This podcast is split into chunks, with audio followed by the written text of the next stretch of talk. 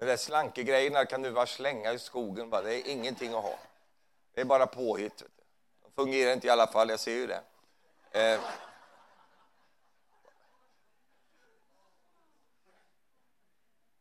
Alltså det är snudd på hu hode, som ni säger i Norge. Det är liksom huvudlöst och, och, och, som man håller på. Va? Eh, fett är bra. Va? Det är jättebra för kroppen. Och eh, du tränger fett. Du går inte upp i vikt av fett. Du går upp i vikt av fel sorts mat. Du går upp i vikt av socker. Amen. Jag, jag prekade lite om det här häromdagen. Sen vi kom ut, det var ingen som spiste någonting där ute. Så Laila kom till mig, vi går i konkurs. Alltså. Men det var inte min mening alls att göra det. Du får spisa precis vad du vill. Eh, det, det, får du göra. Det, det, vi är inte några lagiska människor här. Vi är inte sån, utan vi, du, ska, du ska bara göra som jag säger. Men annars så... så halleluja. Jag är nyomvänd själv. Va? Så, så nyomvända människor de pratar om det som de var med om. Så det, det är, så är det för mig. Så, så ta, du får ta det lite för vad det är. Men det är ganska bra grejer. Va? Och det här med fettet, att det, det är så viktigt för kroppen. Va? Men kolhydrater och andra de här tingen som är tillsatser, va? det är skadligt för oss. Och det gör att vi får problem på många olika sätt fysiskt, men också själiskt. Eh, och därför är det viktigt att hålla sig till Guds ord. Va? Och då präkte vi förra gången att Guds ord är fett. Det innehåller det sunda fettet. Det innehåller det goda fettet utan tillsatser. Det är inget beselvet eller såna grejer, utan det är riktigt smör. Halleluja. Amen. Prisat vare Gud. Sånt som din mamma hade i när hon stekte upp mat. Va? Riktigt skicklig smör. Va? Inte sånt där påhittat smör, va? fabriksgjort smör, utan riktigt. Och det finns så mycket vi kan säga om det här va? som jag inte ska göra nu. Att man, man, eh, finns, det finns förkunnelse med Guds ord plus tillsatser. Och det är skadligt för människan. Va? Vi, vi tränger det sunda o, gudsordet som är rent i sitt väsen. Det skapar väldigt bra förutsättningar. Sen talar vi om salvelsen och smörjelsen, det är ju fett där, vet du. Det är, på svenska är det fetma, va? Det är ju som bryter oket. Va? Halleluja, den feta, halleluja, härliga salvelsen som knäcker alla ok. Amen. Det är underbart det, vet du. Halleluja. Och eh, det, så vi tränger salvelsen, vi tränger inte socker. Va? Det finns så mycket sockerkristendom. Såna här kickar upp och ner och hit och dit och sånt, va? som ger en liten kick och sen försvinner ut på parkeringen sen. Eh, men halleluja för den, den salvelsen som består. Va? Guds underbara fetma. Amen. Det höll vi på med. Och, sen, och alla jublade så halleluja va? Eh, och tycker det var underbart. Eh, all, visst är det, vi tycker det är underbart att höra liksom vad Gud vill göra. Vi älskar liksom detta. Men sen när Gud börjar tala om eh, förutsättningarna för det, då ibland så hoppar man ur det där för att, åh jaha, ska jag göra något också? Ska jag? Ja, det ska vi. Vi ska, hur var det nu? Vi ska ställa oss i disposition för det Gud vill göra jag felade min mun här, va? Men, men jag fick det rätt nu då. Eh, vi, ska ställa oss i disposition, alltså på, ställa oss på en plats där Gud kan ge oss dessa feta år, för vi tränger dessa feta år. Eh, och, och, jag tror Gud verkligen har sju stycken starka sådana år fyllda med välsignelse och genombrott. Halleluja. Och vi radar upp några olika tankar om det. Vi talar om att det, det är eh, just det här med, med Guds fetma, alltså en tid av genombrott. Va? en tid utav, eh, nu, jag huskar dem inte riktigt, va? men en tid av eh, genombrott, en tid av eh, eh, oväntad favör. Va? Halleluja. Jag ska plocka upp den här. Ja, men är det okej? Okay? Ekonomisk välsignelse. Säg jippi jaja. Och det höll jag, fick jag hålla på med lite grann och borra lite i det. För att eh, ibland är vi så, vi är så konstiga när det gäller ekonomi och pengar. Vi får för oss att det ska man inte prata om. Men vi lever ju omsorgsfullt och tänker väldigt mycket om sådana saker. Men i kyrkan får man inte prata om det. Vi pratar om det väldigt mycket därför att Gud pratar väldigt mycket om det. Halleluja. Kan du säga halleluja? Ekonomisk välsignelse, kraft att verka för Gud. Va? Alltså du ska känna det, att du har kraft att verka för Gud. Inte det att du har, du har vilja men inte orken, utan du har både viljan och orken. Halleluja. Du ska orka ända in i mål. Amen. Vi ska inte komma släpandes in, in i himlen, vi ska springa in där. Halleluja. Amen. Här kommer, de, här kommer nordmännens raseri. Här kommer de inspringandes och de har eh, kämpat för Gud. Halleluja. Kraft att verka för Gud. Välsignelse över din tid. Att den, den ska vara välsignad. Va? Amen. Och då håller vi på lite med alla punkterna här. Oväntat favör och sen också genombrott över långtidsutmaningar. De där långtidsgrejerna som vi alla har på en eller annan måte. Det kanske inte är dig personligen, men du har det i din närhet. Kanske något av dina barn eller någon, eh, din, din, eh, din äktefälle eller, eller ting där, du vet vad jag pratar om. Eh, de tingen som verkar aldrig lösa sig. Va? Halleluja. Du ska få genombrott över dem. Va? Du har kanske tänkt att det kommer jag aldrig att få. Men, men du ska ta upp det där igen och bara säga halleluja. Vi ska få se detta. Amen. Vi tror det. va? Men sen så kommer jag in med lite sådana saker som har med att ställa sitt liv i disposition för detta då. Eh, och då hade jag lite olika på det också. En hade jag då som hette att lämna gårdagen. Gårdagen är förbi, du kan inte leva på lagren av, av gamla erfarenheter. Utan vi har en ny tid framför oss. Amen. Och sen kastar vi bort offerkoftan, det var inte ett norskt uttryck men det är ett svenskt. Eh, offerkofta, du vet man tar på sig en sån där offerroll. Va? Eh, och så går man omkring där. Va? Den är lite koslig och lite varm kanske, och sånt, va? men den är fullständigt värdelös. Kasta bort den. Va? Du ska ha en annan klädnad på dig. Och sen såg vi att vi ska få vara givare på alla områden. Vi ser oss själva som givare, vi är generösa i, i, i vår natur va? genom Jesus. och vi är givare på alla områden. Och nu ska jag komma då, och sen så var, var det punkt fem här. Va? Jag lämnar punkt fyra för den ska jag ta ikväll. Halleluja, jag ska gå vidare på den. Punkt fem här. Jag hade du punkter också? Ja. Lämna kråkorna och sök dig till örnarna. Segla med örnarna. Halleluja. Du är ingen kråka, det ser jag ju på dig. Utan du är en örn. Amen. Ja, men du har ju sagt att jag är ett får. Ja, du är ett fårörn. Va? Du, det är ju unikt alltså. Får som ser ut som en örn. Halleluja. Amen. Så lämnar vi dem och söker oss till örnarna. Mycket att säga om det. Men sen ska vi komma in på det här som jag kom in punkt fyra här. Utrota ur ditt liv allt som har med skitprat och skravling att göra. Om du inte kan säga amen så säger du bara oj då.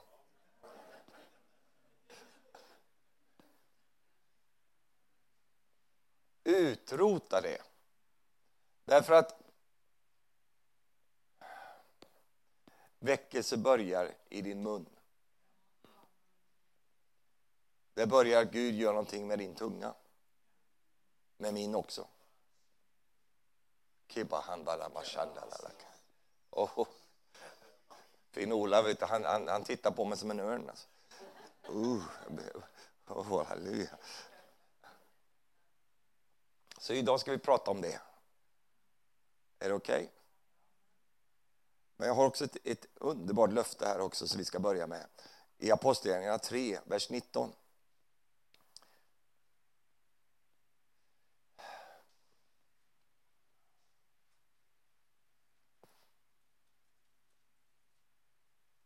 Apostlagärningarna 3, vers 19. Kan vi läsa det högt? En, två, tre. Gör därför bot och vänd om, så ska deras synder bli ströket ut. Nästa vers.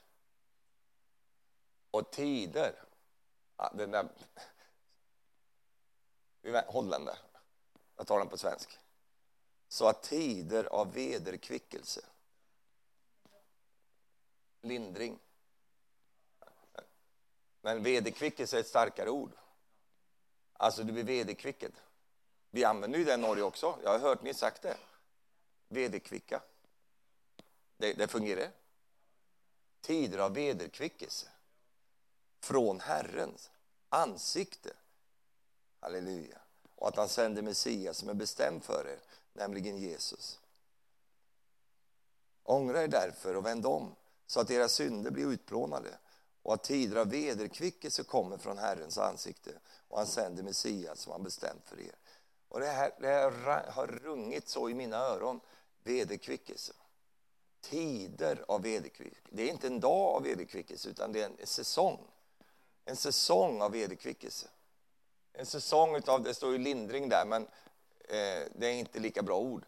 Utan för lindring, egentligen, det har jag en preken emot. Så, så, Farao, han fick lindring. Va? Och då, då förhärde han sitt hjärta igen. Men vi, vi tror på vederkvickelse. Vederkvickelse. Om Trond har varit här, kanske han är någonstans i någon bur någonstans. Eh, då, då kollar han det här rotordet för det där. Och så får jag ett ännu starkare fett ord. Halleluja.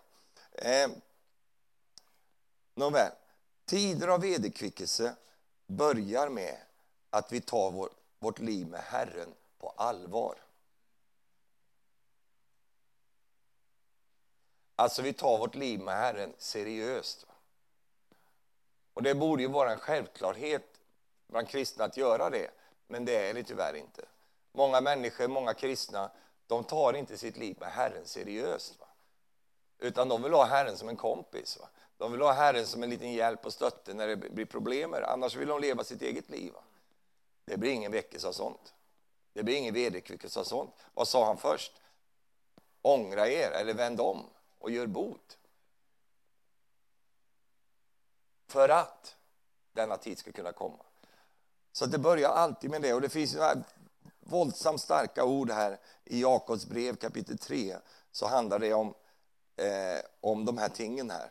Det står så här, jag ska läsa det stycket där för att jag tycker det är så, det är så både bra och utmanande för oss. Det står så här i Jakobs brev eh, 3 och vers 1. Mina bröder, inte många bör bli, bör bli lärare. Han börjar där.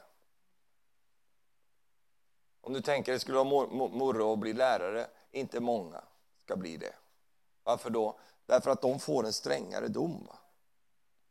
Och det, här, det här ordet, det, det, som ung predikant så, så, kom det äldre predikanter till mig och gav mig sådana här ord. Va? Och jag var så tacknämlig för det. Varför då? Därför att så fort du ska förkunna för andra människor, då påverkar du andra människor. Du sätter igång saker och ting i människors liv. Du har en, en, en faktiskt en väldigt stor eh, påverkan på folk. Eh, och därför så, så är det så, så viktigt då att vi så att säga, är noggranna med de här tingen som vi håller på med. Eh, ni vet ju att ni ska få en strängare dom. Vi begår alla många fel. Om någon inte felar i sitt tal så är han en fullkomlig man som också kan tygla hela sin kropp. Det där kommer vi tillbaka till. När vi lägger betsel i munnen på en häst så för att han ska lyda oss så styr vi också hela hans kropp. Så är det också fartygen som är så stora och drivs av hårda vindar. Ändå så styrs de dit rorsmannen vill med ett mycket litet roder. Så är också tungan en liten lem, men den kan skryta över stora ting. Tänk på hur en liten eld kan antända en stor skog. En sån eld är tungan, en värld av ondska bland våra lemmar. Den smutsar ner hela vår kropp och sätter tillvarons hjul i brand och är själv antänd av Gehenna. Vi hoppar över till vers 8 här. Men tungan kan ingen människa tämja, ostyrig och ond som den är och full av dödligt gift. Med den välsignar vi Herren och Fadern och med den förbannar vi människorna som är skapade till Guds avbild. Från samma mun kommer välsignelse och förbannelse. Så får det inte vara, mina bröder. Inte kan väl en källa från samma åder ge både sött och bittert vatten, mina bröder. Inte kan väl ett fikonträd bära oliver eller vinstock fikon. Inte heller kan salt källa ge sött vatten. Är någon bland er vis och förståndig, då ska han visa sina gärningar genom ett klokt och vänligt uppträdande. Men bär ni på bitter avund och stridslystnad i ert hjärta, så ska ni inte skryta och tala emot sanningen. En sån vishet kommer inte ovanifrån, utan är jordisk och oandlig, ja, den är demonisk. Ty där avund och stridslystnad råder, där råder också oordning och allt som är ont. Men visheten ovanifrån är först och främst ren, vidare fredlig, mild, foglig, fylld av barmhärtighet och goda frukter, opartisk och uppriktig. Rättfärdighetens frukt sås i frid och den ges åt dem som skapar frid. Amen. Ja, jag, jag läser lite vidare här. Varifrån kommer det att det finns strider och tvister ibland er? Kommer det inte från begären som förkrigar era lemmar? Ni vill ha, men ni får inget. Ni dödar och är ivrare men kan inte vinna något. Ni kämpar och strider men ni har ingenting därför att ni inte ber. Ni ber men ni får ingenting därför att ni ber så illa för att slösa bort allt på njutningar. Ni trolösa, vet ni inte att världens, eh, vänskap med världen är fiendskap mot Gud? Den som vill vara världens vän, han blir Guds fiende. Eller menar ni att det är tomma ord när skriften säger avundsjuk längtar den ande som bor i oss? Men större är nåden han ger. Därför heter det Gud står emot de högmodiga, men de ödmjuka ger han nåd. Underordna er därför Gud. Stå emot djävulen så ska han fly bort från er. Närma er Gud så ska han närma sig er. Gör era händer rena, ni syndare, och rena era hjärtan, ni tvehågsna. Det var ett långt stycke här. Men han beskriver någonting, och det här är ju ingenting till icke-kristna människor. Det här är till frälsta människor. Han skriver till dem som, redan, som tror på Herren och följer Gud. Så det är inget ord för, för icke-kristna, utan det är ord till, till sådana som dig och mig. Och så talar han till dem på det här lite förmanande sättet. Och det är farligt när man tar bort förmaningen ur Guds, Guds församling. Vi måste förmana varandra. Det står förmana varandra så länge det heter idag. Om du undrar om, det, om jag är ute efter någon här idag så är jag absolut inte det. Det, jag, det är inte så jag har gått och tänkt på någon här nu utan eh, sån, jag är ute efter oss allihop. För jag vill ha väckelse. Jag vill ha genombrott. Va? Och jag, jag, jag, ställer frågan till Herren, vad håller tillbaka? Ja, djävulen håller ju inte tillbaka för han är ju besegrad. Det är inte djävulen som är problem, möjligtvis så att han får stå där oadresserad. Va? Därför att vi är så svaga som Guds folk så vi har inte makt att ta itu med honom därför att det är så mycket skit i våra egna liv. Och därför har vi inte auktoriteten när vi tränger den. Va? Men vi kan få den, halleluja. Den är ju redan given i, i Kristus Jesus. Men, säg det fina ordet disposition. Amen, halleluja. Din viktigaste kroppsdel är en liten del. Men den kan styra hela din kropp. Och nu ska du inte visa den för mig här. Du vet vad jag talar om va? Jakob har redan nämnt det. Han talar om tungan. Vi begår alla många fel. Om någon inte felar i sitt tal så är han en fullkomlig man som kan tygla hela sin kropp. Och sen har ju redan läst texten där. Va? Det är märkligt vad tungan kan kan åstadkomma. Vilken plats tungan har som Guds skapelse. Jag, jag, jag stod och satt och funderade på om jag skulle skriva att ditt hjärta är inte det viktigaste, din tunga är det viktigaste. Men det går inte riktigt ihop därför att hjärtat är ju av allt som ska bevaras må det bevara ditt hjärta. Så jag vill inte bygga in en slags onödig polemik här mellan de här sakerna. Utan jag, jag kom fram till det jag kom fram till. Din viktigaste kroppsdel är faktiskt din tunga. Och det första som händer när Guds ande kommer, det är att du känner ett väldigt behov av att få rena din mun. Det är ett tecken på att Guds ande är i bevegelse. Därför att så fort Guds ande är i bevegelse, då upptäcker vi detta. Jag pratar så mycket skit. Och nu menar inte jag att du går omkring och, du kanske inte skravlar så mycket, men vi pratar så mycket dynga, alltså. skräp. Det vill Herren få en ändring på. Halleluja. Därför att om du tänker på det, kanske en av de platser du är mest lik Gud, så är det i din tunga. För tungan har makt att skapa, vet du. Gud talade och det blev så. Han bjöd och det stod där. Du har en fantastisk förmåga som Guds skapelse. Det är ingen kossa som kan det, men du kan det. Du har fått det, djuren har inte fått det, men du har fått det. Du har fått makt och myndighet. Halleluja. I barns och spenabarns mun har jag upprättat en makt till att nedslå fienden och den hemgirige. Så munnen och tungan är otroligt väsentlig och en viktig del av våra liv, på gott och på ont. Nu väljer ju Jakob här att ta upp det här utmanande. Jag vet inte vad, vad, han, vad det var för någonting i den menigheten som han skrev till, som pågick där, men det var väl en hel del saker, för han var ju ganska skarp här. Va? Din viktigaste kroppsdel, det är din tunga. Jag tog med mig en grej här idag.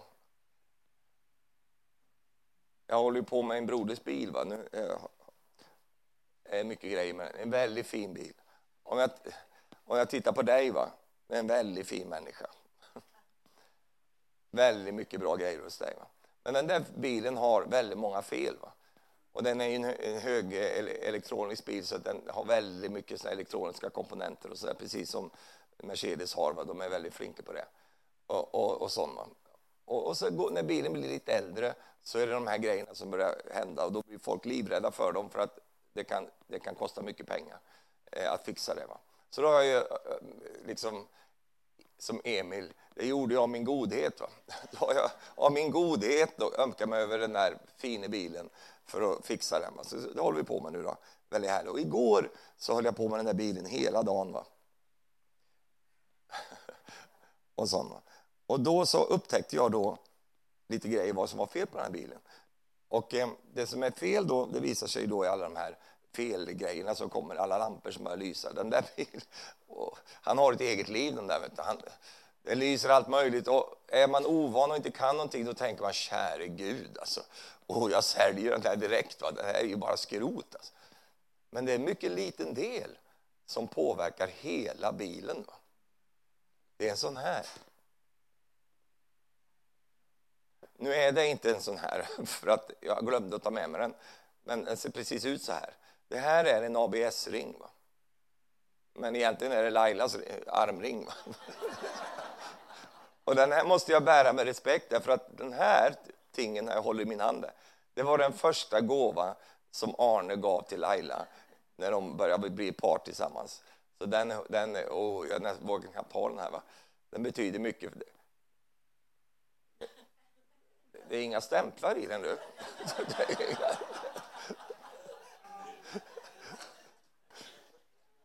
Så den kanske inte betingar så mycket värde eh, hos, eh, hos Ronny, om han ska smälta ner den. Det kanske inte betingar så, men för henne är det jätteviktigt. För hon, första gåvan, har du kvar den första gåvan du fick av din gubbe eller din man? Nej, men det har Laila. För det var den enda hon fick, hon har inte fått... Nej, nej, nej. Men bara för att du ska veta vad det här är, för jag vet ju att jag talar, en del av er mekaniker så du kan det här. Men de flesta människor som jag har i, i våra möten, de är ju inga bilfolk så. Men eh, så då så vill jag visa det. Det här är alltså en ABS-ring. Den fungerar på det sättet att den ligger skjult in i bilen. Det finns fyra stycken sådana här, sitter vid varje hjul. Och eh, då är det så, den ligger längst inne, i, så man ska byta en sån här det är så mycket jobb. Man måste riva ner allting, få ut alla lager och komma åt längst in i axeln. Eh, så sitter den där. Och den sitter där och snurrar med hjulet. Sen har du en annan en ABS-givare som sitter, en liten givare som gjord i plast som sitter insatt sån. Och så snurrar hjulet och så ligger den här. Det finns ett magnetiskt eh, så att säga, fält utanpå den här som gör att det blir kontakt mellan de här två. Så när hjulen snurrar så kan den där givaren ge en signal upp till datorn och tala om i vilken hastighet bilen går i. Den talar också om eh, och hjälper ABS-funktionen, att eh, du vet när du bromsar så att inte du får tvärnit. Hjälper de grejerna. Och I den här bilen så är det kurvljus också som gör att ljusen åker dit. när man Det sköter den här. Eh, den sköter ju varv, varvtalen, alltid. Det, alltså, den, den har jättemånga funktioner den här lilla som den eh, betjänar bilen med. Va? Och om den här inte fungerar, va? Då, det här kostar inte mer än eh, 60-70 kronor, men om den inte fungerar, va?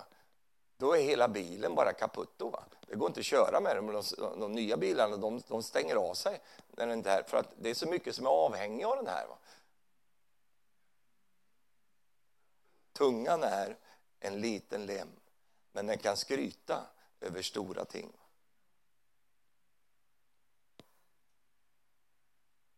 Och har du, har du problem där, va? då får du så många andra problem. Va? Därför att, hjälp mig lite grann här nu. Har du problem där så får du så mycket andra problem här. Därför att det sätter, vad stod det? Sätter hela tillvarons hjul i brand. Va?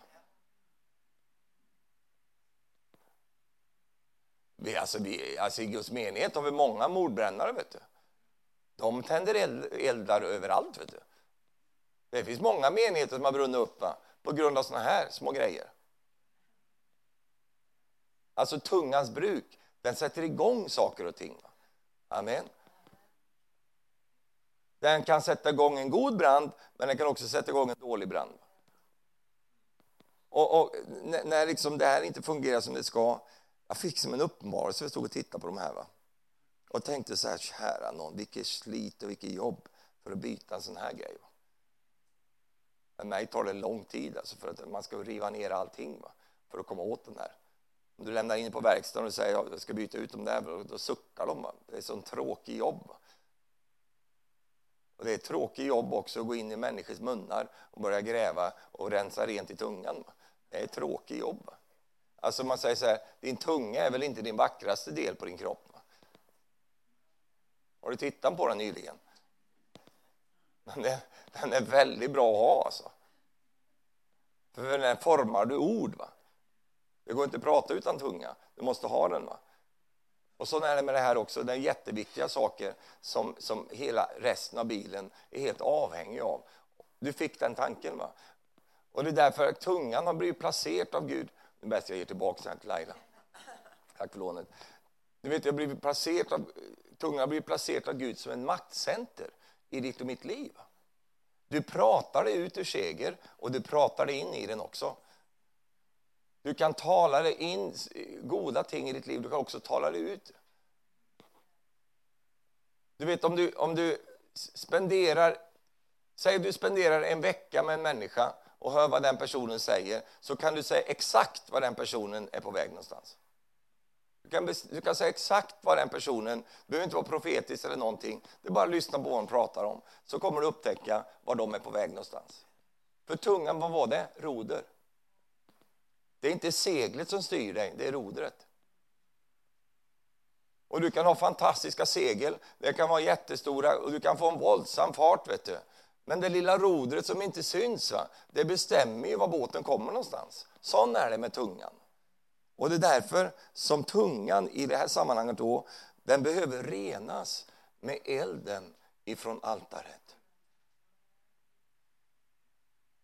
Med elden ifrån altaret. Jag kände det ikväll när jag gick in här. Herren vill tända den elden. Alltså det finns ju olika eldar. va? Det finns ju en fördärvets eld, men det finns också Herrens eld. va? Och Herrens eld är en renande eld. Som renar ting. Amen. Och den elden finns här ikväll. I Jesaja kapitel 6 så står det om profetens kallelse. Va? I vers 1 står det så här. Det år då kung Ussia dog så såg jag Herren sitta på en hög och upphöjd tron. Släpet på hans mantel uppfyllde templet. Serafer stod ovanför honom. Var och en hade sex vingar. Med två täckte de sina ansikten, med två sina fötter och med två flög de. Och den ena ropade till den andra, helig, helig, helig är Herren Sebaot. Det är det änglar ropar. Vet du. Helig, helig, helig är Herren Sebaot. Hela jorden är full av hans härlighet. Och rösten från den som ropade fick dörrposten av trösklarna skaka och huset blev uppfyllt av rök. Vill du fortfarande ha väckelse?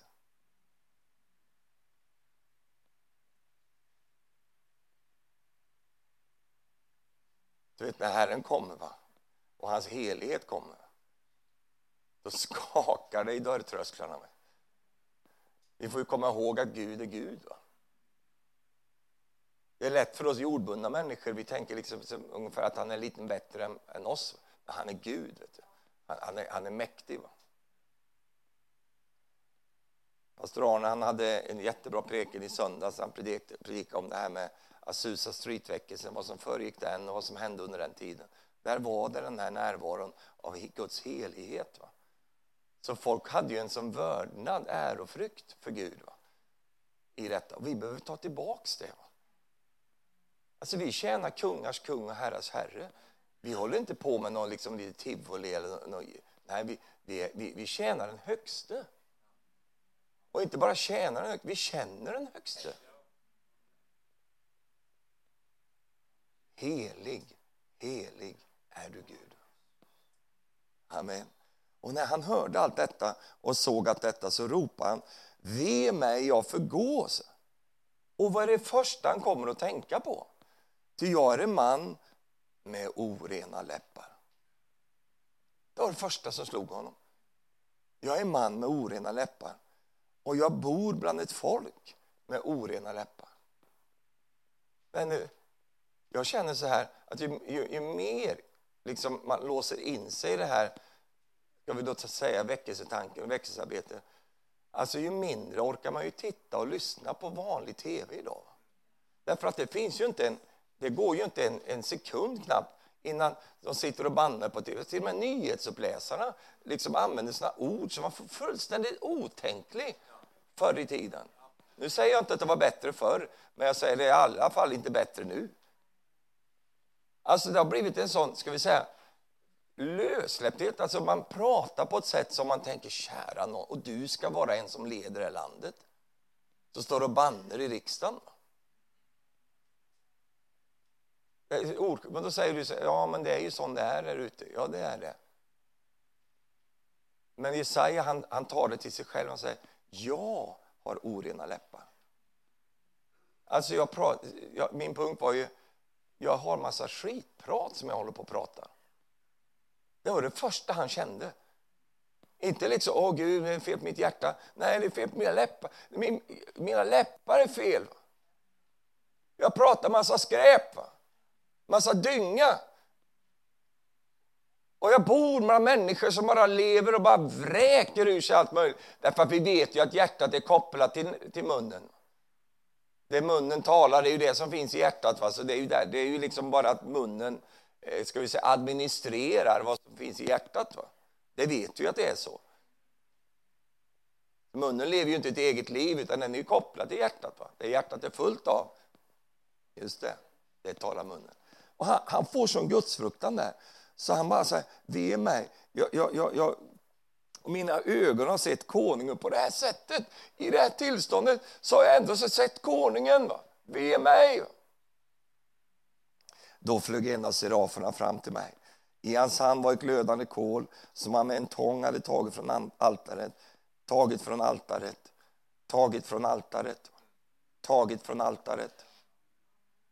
Med det rörde han vid min mun och sa nu när detta har rört vid dina läppar så har din missgärning tagits ifrån dig och din synd är försonad. Sen kommer kallelsen och jag hörde Herrens röst. Han sa, vem ska jag sända och vem vill vara vår budbärare? Och då sa jag, Herre, här är jag, sänd mig. Herre, här är jag, sänd mig. För nu var han redo, vet du. Han hade fått, fått sina läppar liksom märkta av altarets eld. Va? Han hade hämtat något från altaret. Och jag kände här ikväll att, att vi skulle på något sätt eh, ta det här i våra hjärtan. För du och jag, vi behöver elden från altaret till mängder av olika ting. Men det första som sker, det är att läpparna måste renas. Va? Läpparna. Alltså det var inte Gud som sa till honom, du, du är oren i läpparna. Du. Det kom han på själv. Varför då? I Guds närvaro är det mycket ting man kommer på som man aldrig kanske tänkte på förut. För i Guds närvaro är ju himlen som kommer och då, då kommer man på ting som man kanske vanligtvis inte... Alltså det är inget man sitter och tänker på när man läser VG. Va? Men när man kommer in i Guds närvaro, då känner man oj, här är det ting som jag måste gå med till Gud. Va? Och jag är så glad att vi har den här teologin som jag har försökt, som jag prickar mycket om och som du också tror på. Eh, det är just detta att i Kristus är du redan ren. Va? Så vi ska inte dra iväg med det och hamna i något religiöst dike. Va? Men bara för att, för att liksom, vi inte vill hamna där så, behöver vi, så måste vi ändå göra det som är rätt och riktigt. Va? För det finns ju en annan eh, dikeskörning i det här. Det är ju det att men jag är ju redan ren, jag behöver ju ingenting. Jag behöver inte gå till Gud knappt, jag behöver inte göra någonting. Jag behöver ingenting. Det, där är, det är ett falsarium. Va? Därför att om du har dessa löften så helgar du dig själv. Det finns en, ett, ett samarbete här. Va? Jag tyckte det var väldigt fint. Jag träffade Micke som är hos er en hel del. Eh, han, han, är, han är ju känd för att vara nådesförkunnare. Men, men, men, och han blir också, har blivit sammanliknad med all, allt det där som går i den svängen och, och fått en del problem av det. Men, eh, men eh, så han menar ju på detta, precis som du och jag, att eh, vi är rena, därför renar vi oss. Alltså det där var väldigt bra sagt. va? Vi är redan rena, men vi renar oss. Vi är redan inne. Det är inte så att du ska göra detta för att imponera på Gud, utan det är att du ska göra detta för att dispositionera dig själv så att Gud ska kunna komma med sin feta salvelse över ditt och mitt liv. För vänner, Guds folk är så försvagat. Kan jag få säga så här? Att de har spist så fel. Va? Man kan säga att de har spisförstyrrelser. De har spist så mycket skit. Va? Allt möjligt goja har de tuggat i sig. Va? Och så undrar de varför de mår så dåligt. Och vi sa det, du kan inte gå till, som frälst kan du inte gå till alla restauranger vet du, och tänka att alla, alla, alla restauranger serverar bra mat. Det gör de inte. Du måste vara lite nöje med vad du spiser. Det gäller ju på det fysiska, men det gäller verkligen i det andliga. Va? För i den yttersta tiden vet du, då kommer det komma all möjligt upp på borden. Vet du. Jag har en helt annan preke, vet du. jag måste ju ha massa preker på lager för det är så mycket jag predikar. Så jag har en annan som håller på och jobbar upp här. Och det är ju när Esau, va? Esau och Jakob, du vet. Esau var, Esau var så sulten och Jakob var listig. va. Så han stod och gjorde en soppa, va? en linsoppa. Och den var ju röd, den där soppan. Va? Och då säger Esau så här. Vad är det du har där? Det där röda där.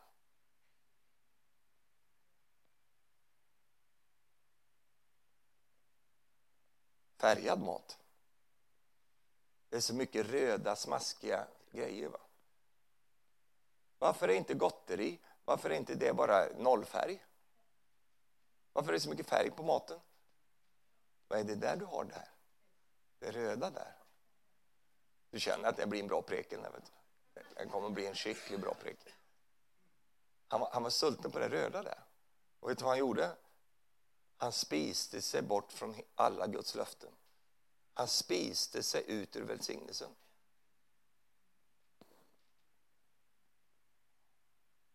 Och många människor de går på det där röda där. Va? Sensationism. Lite häftigt. Eller sakramentalism. Att man ser, åh, det här kanske jag kan göra. Det röda där. Vi lever i en märklig tid. Och därför vill Gud att du ska vara stark. Va? Och det blir som, återigen, du blir stark av det du spiser.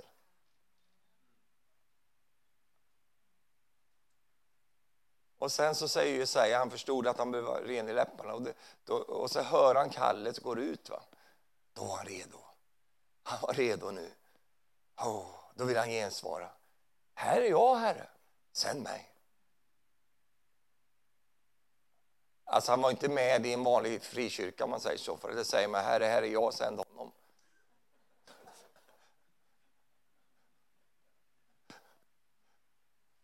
Nej, sänd mig, Herre. Och Herrens ande ska bruka dig. Han ska använda dig i den tid som kommer. Shipa handalivike hessen lillekendi. Och redan från det du var liten så var, så var du speciell. Du gick lite dina egna, egna vägar, lite sån.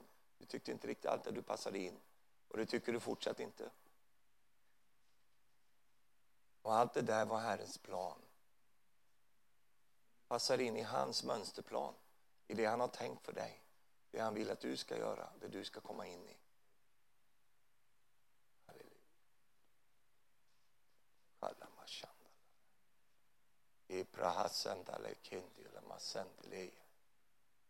Och därför, vi tränger och hämta, låta ängeln komma med eld ifrån altaret och rena våra läppar. Nu kanske du sitter och tänker att jag är rätt färdig med de här grejerna. Jag är rätt bra. Du är den första som ska bli renad. För du, har så, Du har så mycket lögn där inne i munnen. Alla av oss tränger detta.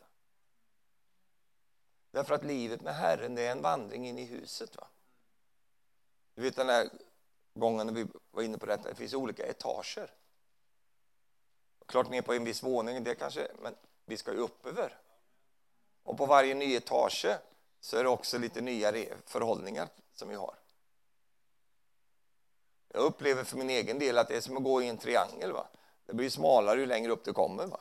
Till slut står man ju bara med huvudet där inne i klykan. Va? Halleluja. Om du undrar varför Herren är så tuff på dig. Vad väldigt vad du håller på, jag får inte ens äta socker längre. Det får du, du får äta mycket du vill. Men varför Herren håller på så med det? Jo, därför att Herren fostrar oss, för vi är gudsmänniskor. Och gudsmänniskor, de är speciella människor de. Gud vill att du ska bli maximal. Gud vill att du ska vara maximalt välsignad.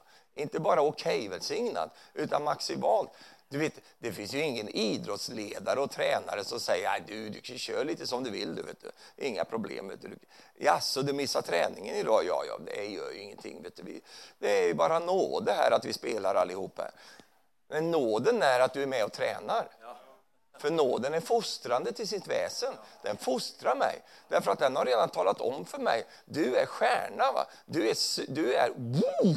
du är ingen vilken som helst. Du Du är en gudsmänniska. Du är unik, one of a kind. finns ingen som dig. Gud ska bruka dig stenhårt och stenmycket. Gud är en Gud som kommer att bruka dig. Och därför fostrar nåden mig. Nu kommer jag på varenda träning. Vet du. Oj, oj, oj, oj. Vet du, Zlatan, han är en av världens bästa spelare. Va? Och, och, och, och så, det vill vi svenskar säga. Och, och en sån, va? Du vet, man pratar med honom, va? för han hade allt emot sig. Vet du. Därför han kom ju från Malmö, där, vet du, där, liksom, tillståndet i Malmö. Eh, han kom ju därifrån, från Rosengård, vet du, det är ett förfärligt område. Man började spela fotboll och såg att han hade talang för det. Men han hade inte bara talang, han började träna också. Vet du. Om man följer honom, nu är han ju snart 40 år, va? fortsatte på den toppnivån. Va? Det är inte många som klarar det. Men vet du vad? Han tränar mycket mer än alla andra. Han dricker inte, han håller inte på med massa eh, jäntor ute och springer. Han sysslar inte med sånt, han går hem och lägger sig tidigt. Därför att han vet vem han är. Va? Om världens barn kan hålla på så för en liten löjlig läderboll gjord av grisskinn. Va? Och hålla på där. Och de håller på. Har du tänkt på alla de här sportgrejerna va?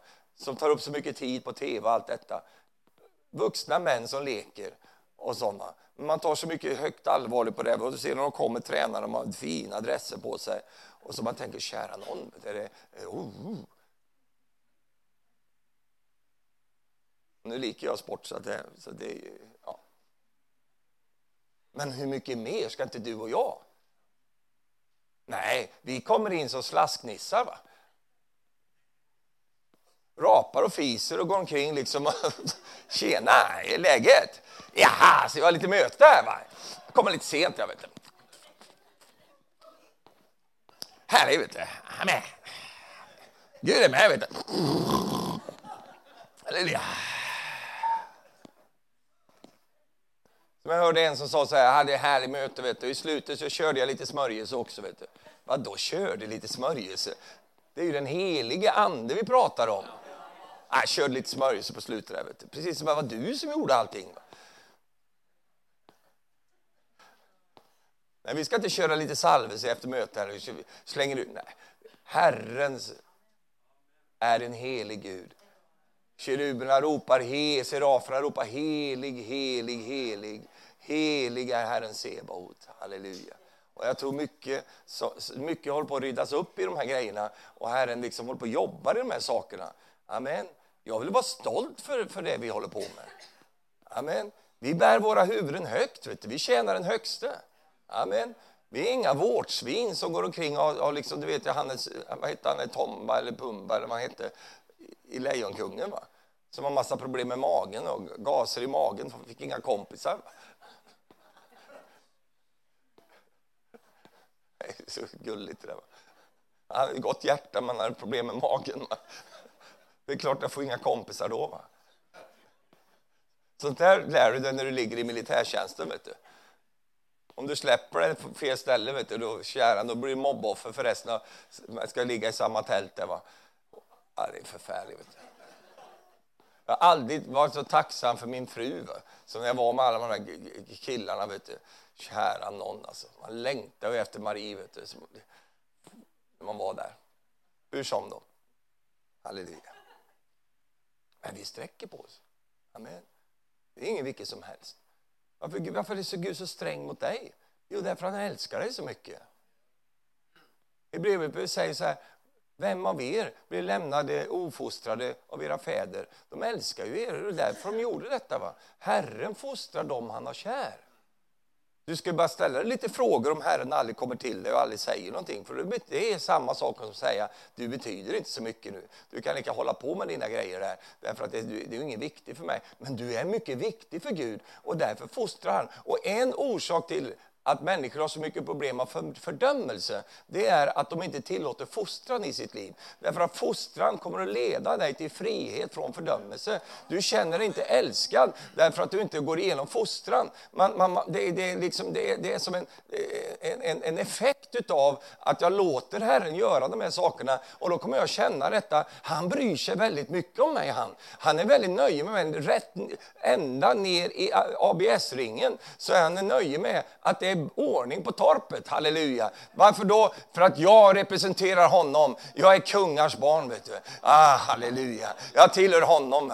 Och han vill säga som han sa om Jobb. Har du sett min tjänare Jobb? Har du sett hur han är? Kolla på honom får du se. Titta, det är min grabb det där. Kolla där, vet du. Han är min grabb. Och djävulen blir så provocerad utav det, vet du. Så han säger,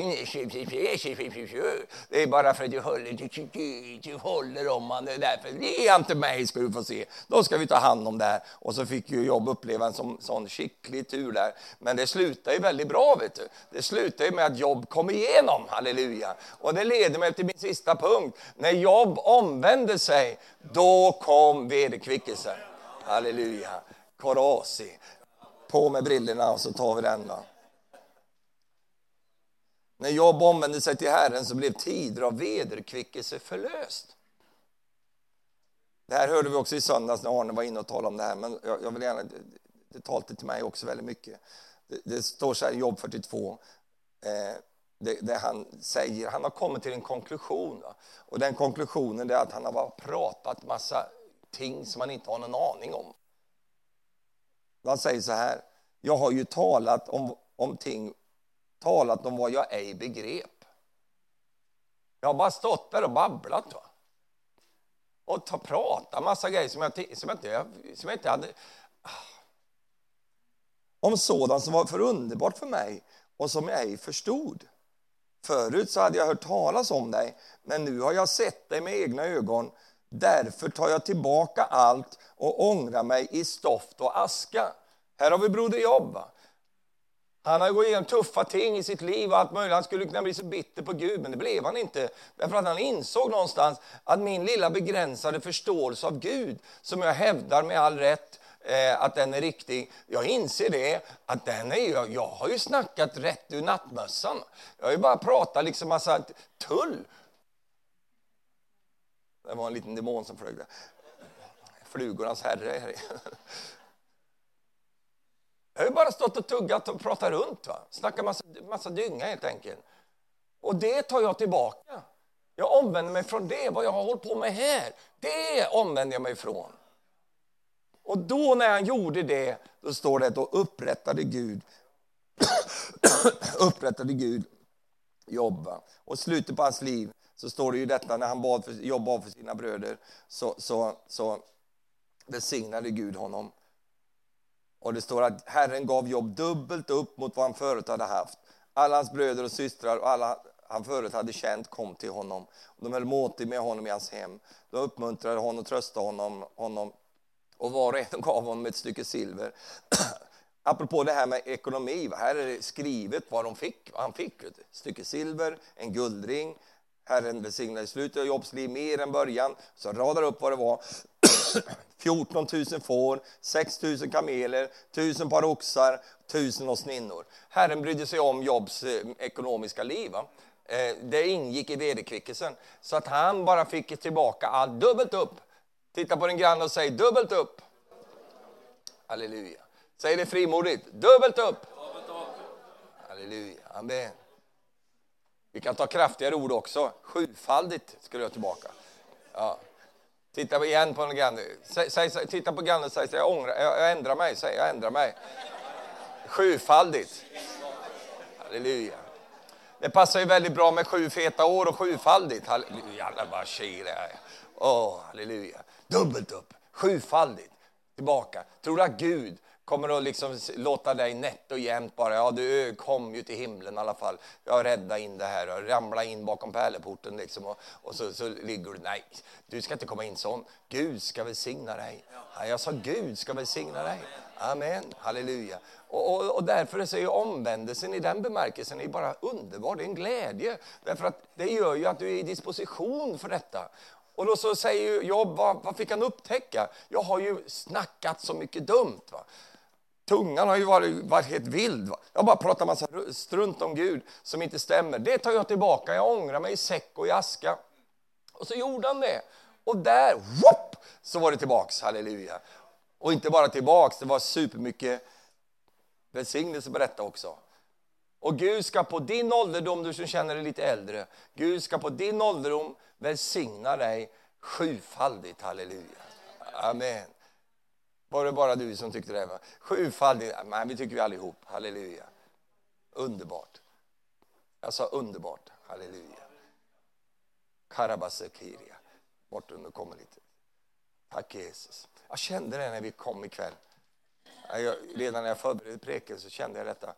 Herre, vad, vad är, liksom, vad, vad, ligger i pipen nu liksom? Rent, rent, vad, Gud, vad är, gör du nu? Vad är det, sånt, jag är väldigt upptatt med det. Va? Vad gör du nu? Så prekningarna går i den riktningen. Vad, vad gör du nu Gud? Vad gör du nu för någonting? Jo, Gud hjälper oss att disponera. Nu kom det. Ställa, jag, jag, jag ändrar ordmeningen så blir det lättare. Ställa vårt liv i disposition. Va? Det är det han gör nu. Så att en gudsmänniska fullt färdigt, väl skickad till allt gott verk. Du har varit skickad till några gott verk, men det står allt gott verk. Halleluja. Och det står så här att han ville ställa fram. Det är disposition. Va? Ställa fram människor. Du är redan en gudsmänniska. Det är inget tvivel om saken. Det är du redan. Tvivla aldrig på det. Va? Du är redan innanför, du är redan uppe, allt det där är klart. Och det har du hört väldigt mycket.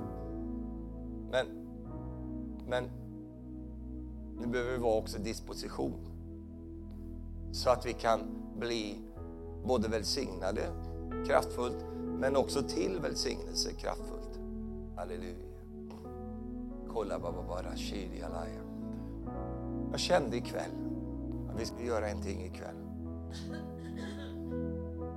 Jag, jag vägde lite fram och tillbaka, men, men eh, jag tror att vi kan göra det så här faktiskt. Vi ska bära våra läppar, om vi säger så, munnen, tungan och allt det som jag pratar om ikväll, inför Gud. Och jag och Arne ska bara stå här och vi ska bara göra så här. Och jag skulle önska, jag skulle önska att alla är med på det här. Att alla kommer på det här. Det blir ingen lång förbön, det blir bara, vi ska bara ta en liten droppe olja. Liten droppe. Så. Och lägga det på dina läppar. Och det är ju då ett tecken på att du liksom gensvarar i tro. Herre, jag vill, vara, jag vill, ha, jag vill ha det rent här.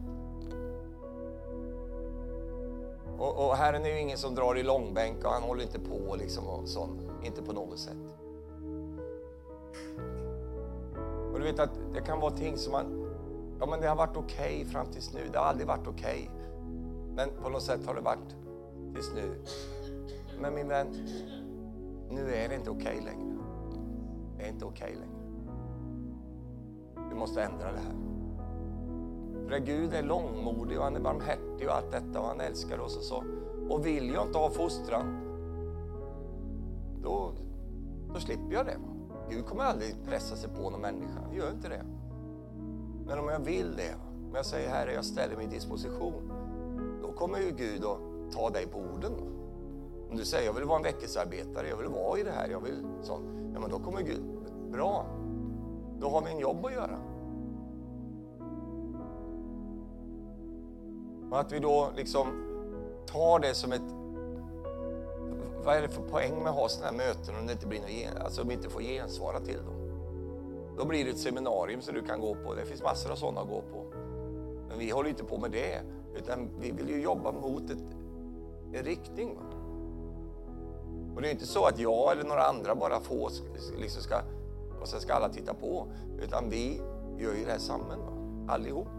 Varenda en. Du ska tjäna Gud på ett mäktigt sätt. Va? Halleluja. Kolla basandala mamma. Så vi ska göra så ikväll. Att vi, vi bara, om du är dam här med, med läppstift och grejer, det här, det här funkar bra på läppstift också. Halleluja. Så lägger vi bara en liten sån här på dig. Det är ingen magi i det här, det är ingen vi ska inte göra det nästa gång. Utan det här är ingen sån liturgi, utan en handling i tro handlingen handling tro att jag, Jesus, jag överlåter mina läppar till dig och jag lägger mitt liv ikväll och mina läppar på altaret. Eller jag låter ängeln komma med glödande kolet för att bara rena läpparna. Jag tror det är så viktigt att vi, som jag sa, utrotar skitpratet. Va? Allt det där tugget va, vi håller på med. Och all skravling. Va? Om du visste vad mycket skravling det är i Guds menighet. Alltså. Och det är bara för att man har inga, inget att göra, man har inget vettigt för sig, så då skravlar man om kreti och pleti. Va? Det är så mycket sånt. Och vad folk inte fattar, det är att de dödar väckelsen. De dödar menighetens liv när de håller på så. Vi har meningar om det ena och det andra. Vi har meningar om pastorn, vi har meningar om medlemmarna, vi har meningar om varandra. Vi håller på, vet du. Men det är slut på det nu. Men vad Guds ord säger? Om någon talar. Alltså det är ju inte nödvändigt att man måste tala. Va? Alltså om någon kommer på den idén, jag tror jag ska säga något idag. Det är inte så man måste stå och sitta och snacka i kaffe. Alltså om någon, någon talar, då var det hans tal i enlighet med Guds ord. Halleluja. Är vi redo för detta? Det är det vi gör ikväll. Halleluja. Oh. Jag kommer ihåg när jag fick, första gången jag fick höra undervisning. Jag har aldrig hört det. Vet du. Jag växte upp i menighet och, och så, älskar Jesus och allt det där. Men, och så, men jag hade aldrig hört den här typen av förkunnelse. Jag hade aldrig hört om tungans bruk. Va? Jag hade hört om det. Och då fick jag höra en eh, bibelskoleundervisning om det. Va? Och Marie också, vi satt ju på samma skola. Så jag hörde detta. Va? Du vet, vi blev tysta i tre veckor. Vet du. Vi gick hemma, det var helt tysta. Vi öppnade inte munnen. Vet du.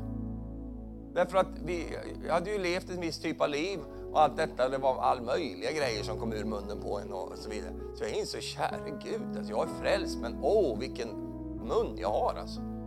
Och så fick Herren vaska mig. Och vet du hur han gjorde det? Han tog in ett, ett nytt ordförråd. Genom Guds ord. Va? Fick ett nytt ordförråd. Så jag kunde väl bruka Guds ord. Då. Om någon talar, så talar han i enlighet med Guds ord. Tänk så här, att om allt som du säger skulle hända direkt bara. Vad skulle hända på en gång? Om du säger till din fru, du är ju en idiot. Så blir hon det. Står hon sån framför dig sen? Alltså, vi, vi, tar oss så, liksom, vi tar det här så lättvindigt. Va? Men i Guds fruktan så gör man inte det. Utan man känner man detta att nej, den här tungan styr jag över. Tungan lever inte sitt eget liv. Jag gör det och jag gör det inför Gud. Halleluja. Det står att tungan kan ingen människa tämja. Nej, ingen människa nej. Men Gud kan. Halleluja. Jag sa Gud kan. Han kan tämja tungan. Och då, det är därför jag ger min tunga till Gud. Så här, här håll den. Hjälp mig. Amen, så gör han det. Herren är min styrka